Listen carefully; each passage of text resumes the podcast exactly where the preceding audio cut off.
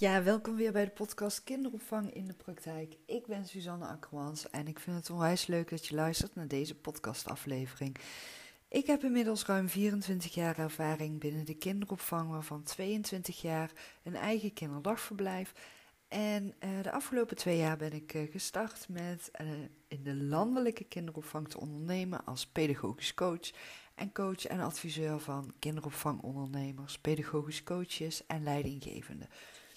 Nou, als je de podcast van gisteren hebt beluisterd over klanttevredenheid, dan weet je dat ik het heel erg belangrijk vind om stil te staan bij de behoeftes van de klant, de ouders.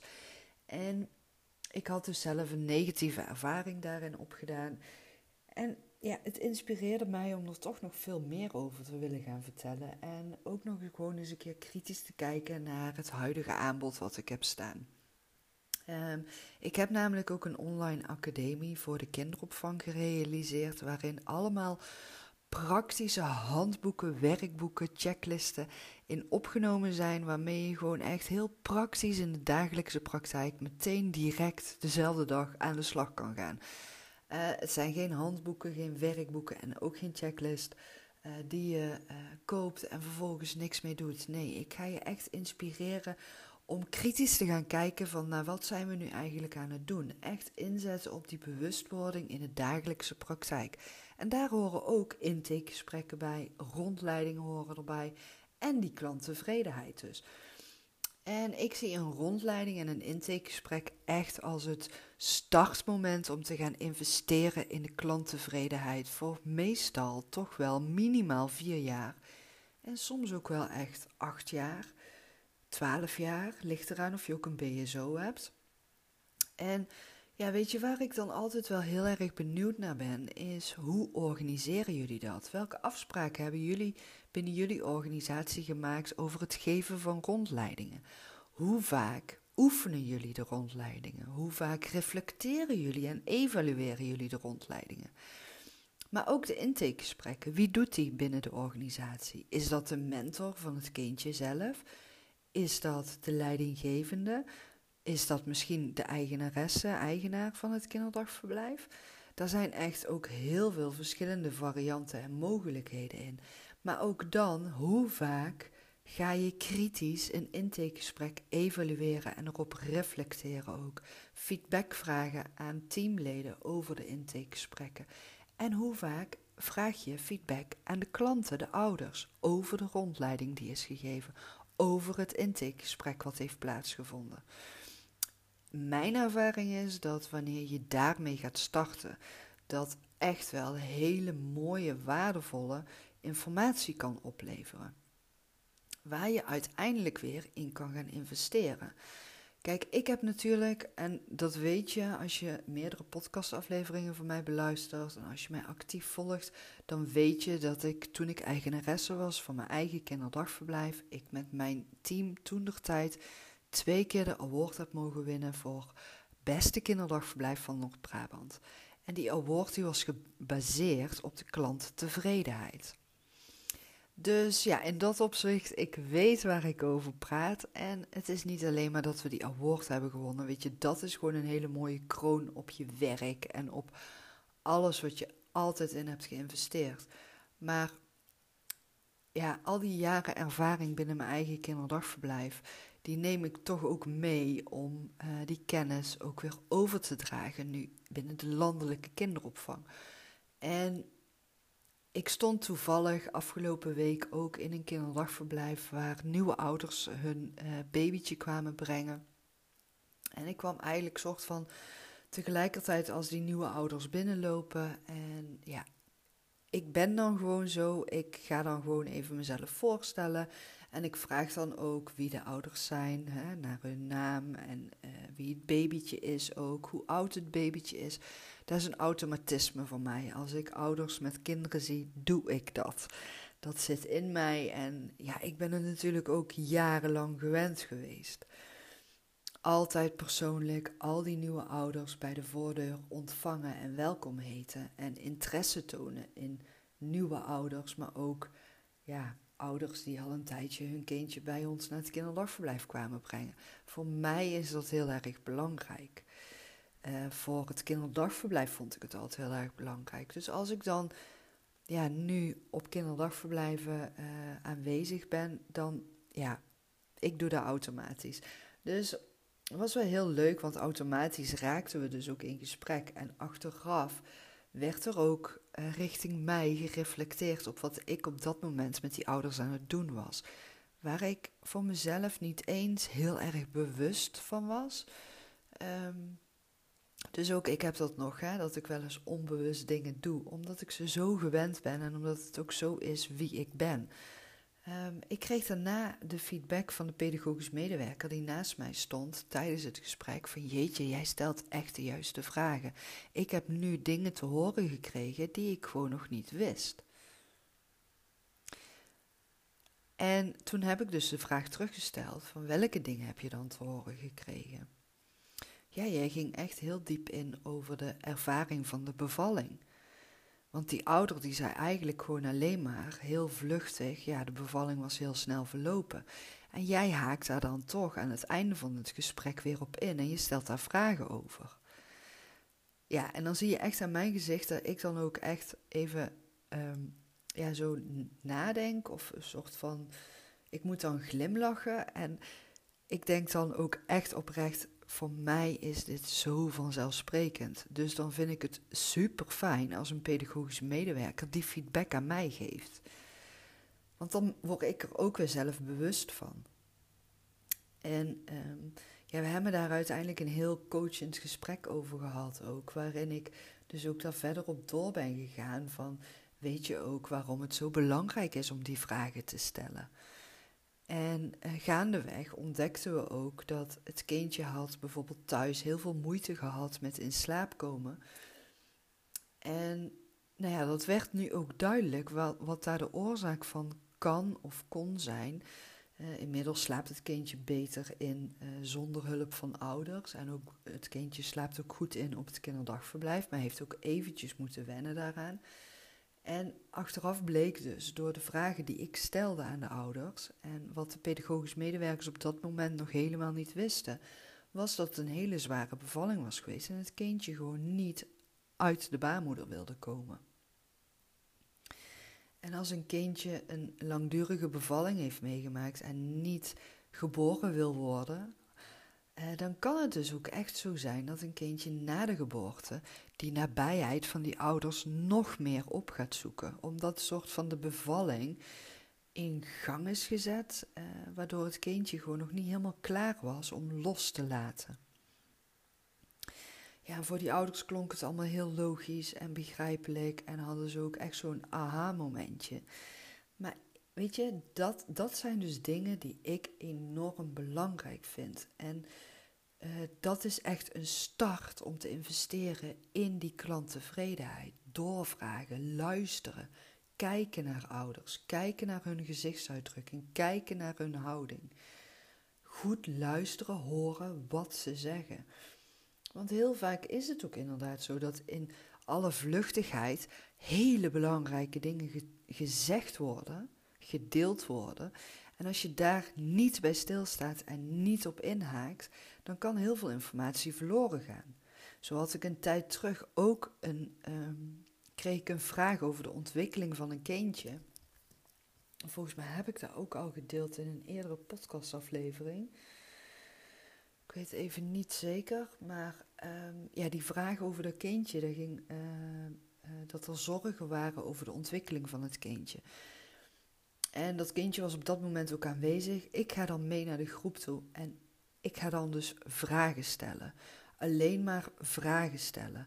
Want in mijn hoofd gaat het dan ook heel snel. Als ik een voorbeeld hoor van een kindje die een achterstand in de ontwikkeling heeft, dan gaat er automatisch in mijn hoofd een vragenlijstje uitrollen.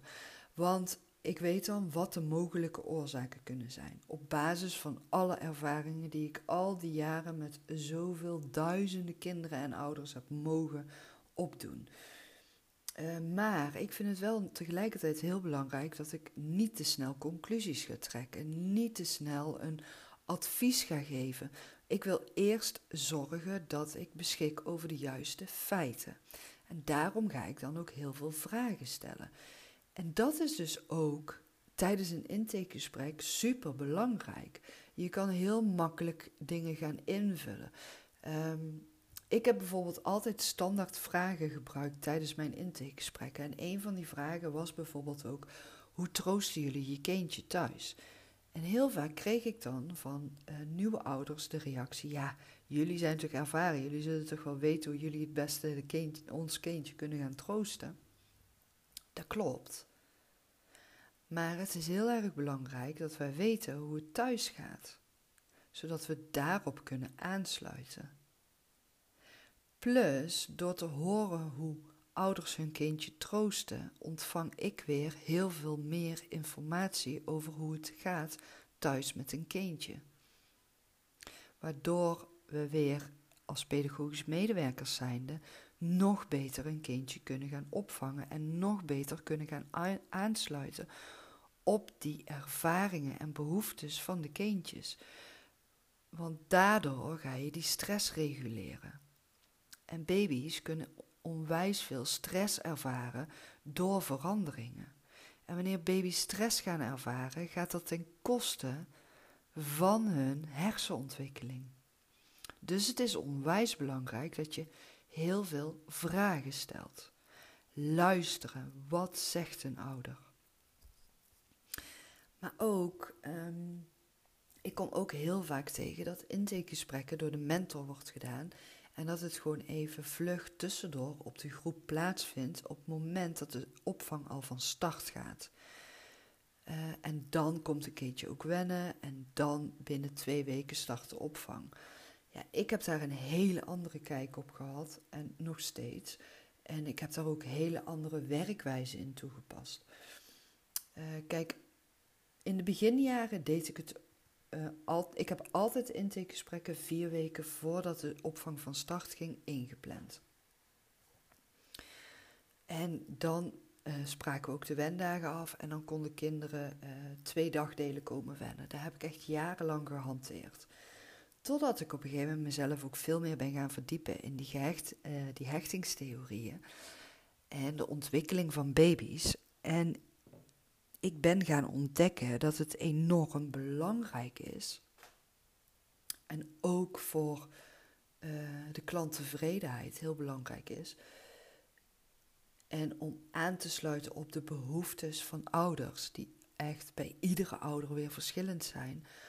Om daar veel ruimer aanbod in te gaan aanbieden en mee om te gaan, zodat ouders en kinderen echt vanuit rust en veiligheid en vertrouwensband op kunnen bouwen, kunnen gaan starten met de kinderopvang. Dus wat ik ben gaan doen op een gegeven moment is, ik bleef de intakegesprekken vier weken voor de startdatum inplannen.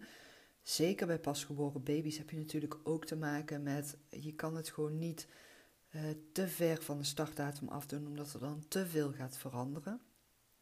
Ik had een heel uitgebreid intakegesprek waarin ik echt ook alles vroeg over het dagritme, de gezondheid, de geboorte, de bevalling, eh, de kraamtijd. Eh, maar ook vragen stellen over wat voor werk doen ouders? Hoe kijken ouders er tegenaan om een kindje weg te gaan brengen? vinden ze het moeilijk? Zien ze er tegenop? Waar hebben ze vragen over? Alles besteedde ik aandacht aan. Het was echt investeren in het allereerste moment van klanttevredenheid.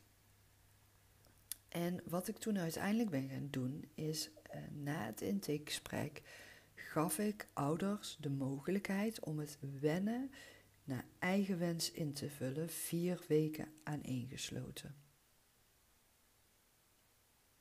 Dus ja, daar moet je echt rekening mee houden met je planning, met je BKR. Eh, het kost zeker wat meer tijd ook klanten mochten dan dus komen wennen op de dagen dat ze ook uiteindelijk daadwerkelijk opvang zouden gaan afnemen. Dus stel bijvoorbeeld een kindje komt op maandag en woensdag hele dag, dan waren dat ook de dagen en de momenten dat de ouders samen met hun kindje, sorry,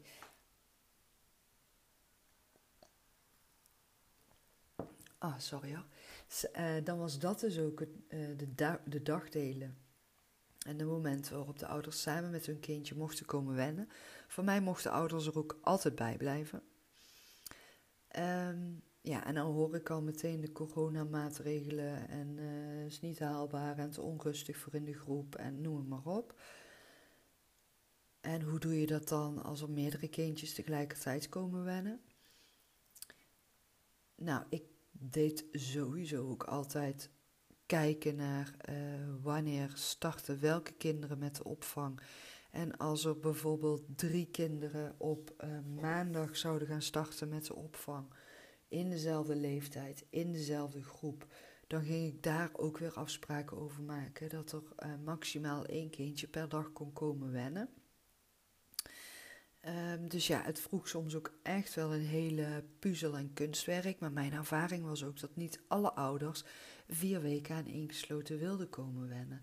Daarin, wat ik net al zei, iedereen is anders. Iedereen heeft andere behoeftes. En niet iedere ouder heeft daar behoefte aan. Dus planmatig kwam dat, ja, is dat bij mij altijd geen probleem geweest.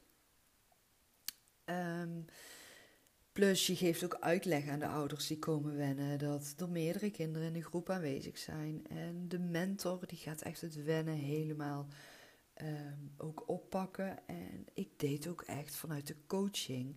De pedagogisch medewerkers daar soort van ook in coachen en uitleg ingeven en misschien ook wel een beetje trainen op een coachende manier. Van ook al zit er een ouder in de groep die komt wennen, je kan nog steeds uh, grenzen stellen en het betekent niet dat jij al die tijd dat die ouder in de groep aan het wennen is, jij daarnaast ga, moet gaan zitten. Nee, natuurlijk niet. Dat is ook uh, een, een werkwijze en een, ja, ook weten hoe je daarmee om kan gaan. Dus dat is ook heel belangrijk. En zo neem ik ook altijd alles mee in coaching. En um, evalueer ik het ook allemaal altijd. Want ook dat is gewoon super belangrijk. Het hoort bij oudercontacten en dat is ook onderdeel van het pedagogisch beleid. Maar uiteindelijk investeer je ook in die klanttevredenheid. En als er ouders tussen zitten die inderdaad vier weken, twee keer in de week willen komen wennen, ja, waarom zou je dat niet doen? Het voorkomt zoveel problemen op de lange termijn voor zowel het kindje als voor de ouder. Het kindje, het babytje, zeker bij baby's, die voelen haar fijn aan hoe hun ouder zichzelf voelt bij het wegbrengen naar het kinderdagverblijf. Dus als je daarin gaat investeren, dan levert het uiteindelijk alleen maar meer tijd en rust op. En een hele tevreden ouder. Dus ook een heel tevreden kindje. Waardoor er dus weer rust op die groep is. Nou, en dit zijn dus allemaal uh, punten waar ik op inga met uh, ja, het handboek en de checklist die ik dus aanbied vanuit mijn online academie. Succesvolle intake in de kinderopvang. En zo heb ik dus ook nog een heel handboek voor een succesvolle rondleiding.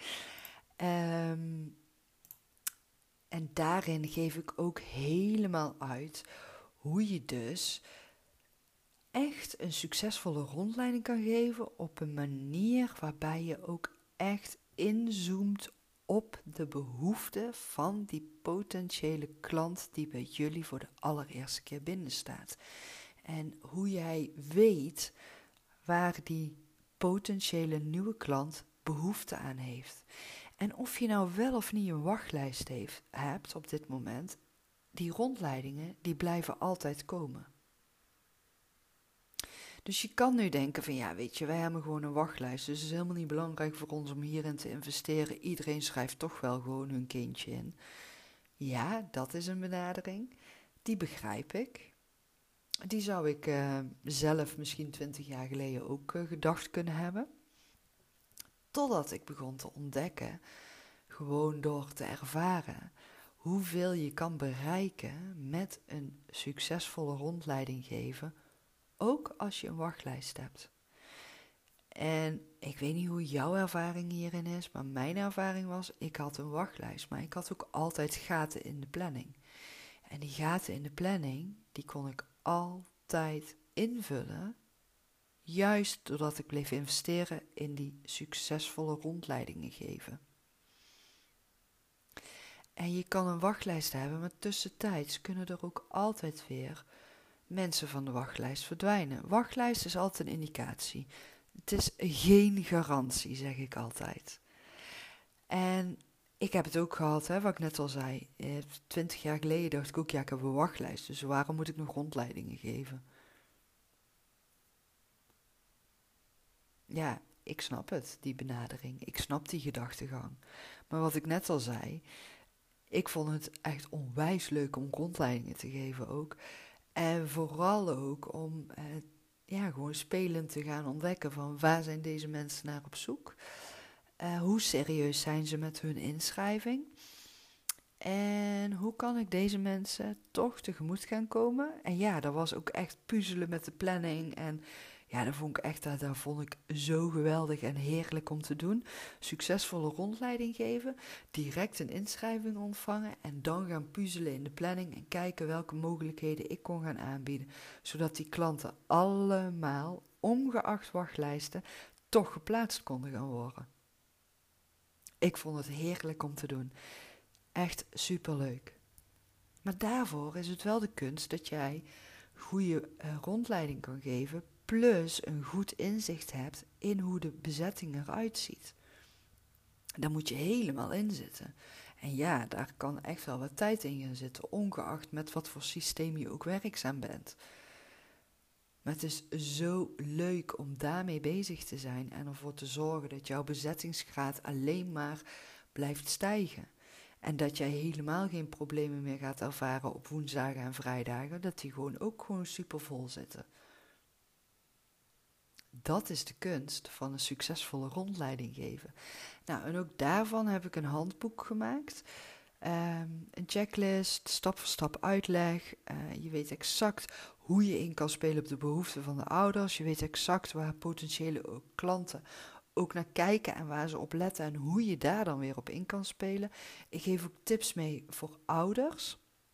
Die je dus gewoon op je website kan plaatsen, op je social media kan delen en mee kan geven aan ouders ook. En dan denk je misschien, hoezo moet ik tips aan ouders meegeven waar hun op moeten letten bij een rondleiding? Het gaat er toch om dat ze voor ons kiezen. Um, nou ja, ook daarin heb ik uiteindelijk ontdekt dat het er niet om gaat dat klanten voor jullie kiezen. Het gaat erom dat klanten, ouders, kiezen voor een opvangplek waar zij zichzelf uh, goed bij voelen en thuis bij voelen. Want niet iedere kinderopvangorganisatie sluit aan bij een gezin. Ook daarin is veel onderscheid. En ik ontdekte ook dat. Uh, ik heb ook wel eens ooit tijdens een rondleiding gezegd tegen, tegen potentiële klanten: van nou, ik weet niet of wij het juiste kinderdagverblijf voor jullie zijn. En ik wil dan ook echt adviseren om bij meerdere kinderdagverblijven hier in de omgeving een bezoekje uh, te gaan brengen en te gaan ontdekken of welk kinderdagverblijf het beste bij jullie situatie past. En heel vaak ervaarde ik dan dat uiteindelijk mensen toch voor ons uh, besloten te kiezen, of hoe zeg je dat? Maar ja, het gaat uiteindelijk toch erom dat een kindje de allerbeste opvang gaat ervaren. En dat moet dan toch aansluiten bij dat gezin. Dus het gaat dan toch niet om persoonlijk gewin als kinderdagverblijf zijn. Het gaat toch altijd om het belang van het kind. Ja, zo denk ik dan weer. En dan ben ik misschien super raar dat ik zo denk. Of denk ik uh, super achterstevoren, binnenste buiten. Maar dat is mijn ervaring en mijn manier van denken. Dus daarom ook 15 tips om aan ouders mee te geven die je gewoon op je social media kan delen en op je website kan zetten of aan ouders mee kan geven. Um, nou ja, ook dit is gewoon echt weer een handboek, uh, gewoon in een PDF-bestand. Uh, je leest het door, je pakt het erbij tijdens een rondleiding. Um, je neemt het door voordat je een rondleiding gaat geven. Je gebruikt het tijdens een teamoverleg. Ook super effectief om het met een teamoverleg in te zetten. Of juist bij de pedagogische coaching uh, ten aanzien van oudercontacten kan je deze, um, dit handboek ook super makkelijk voor gebruiken.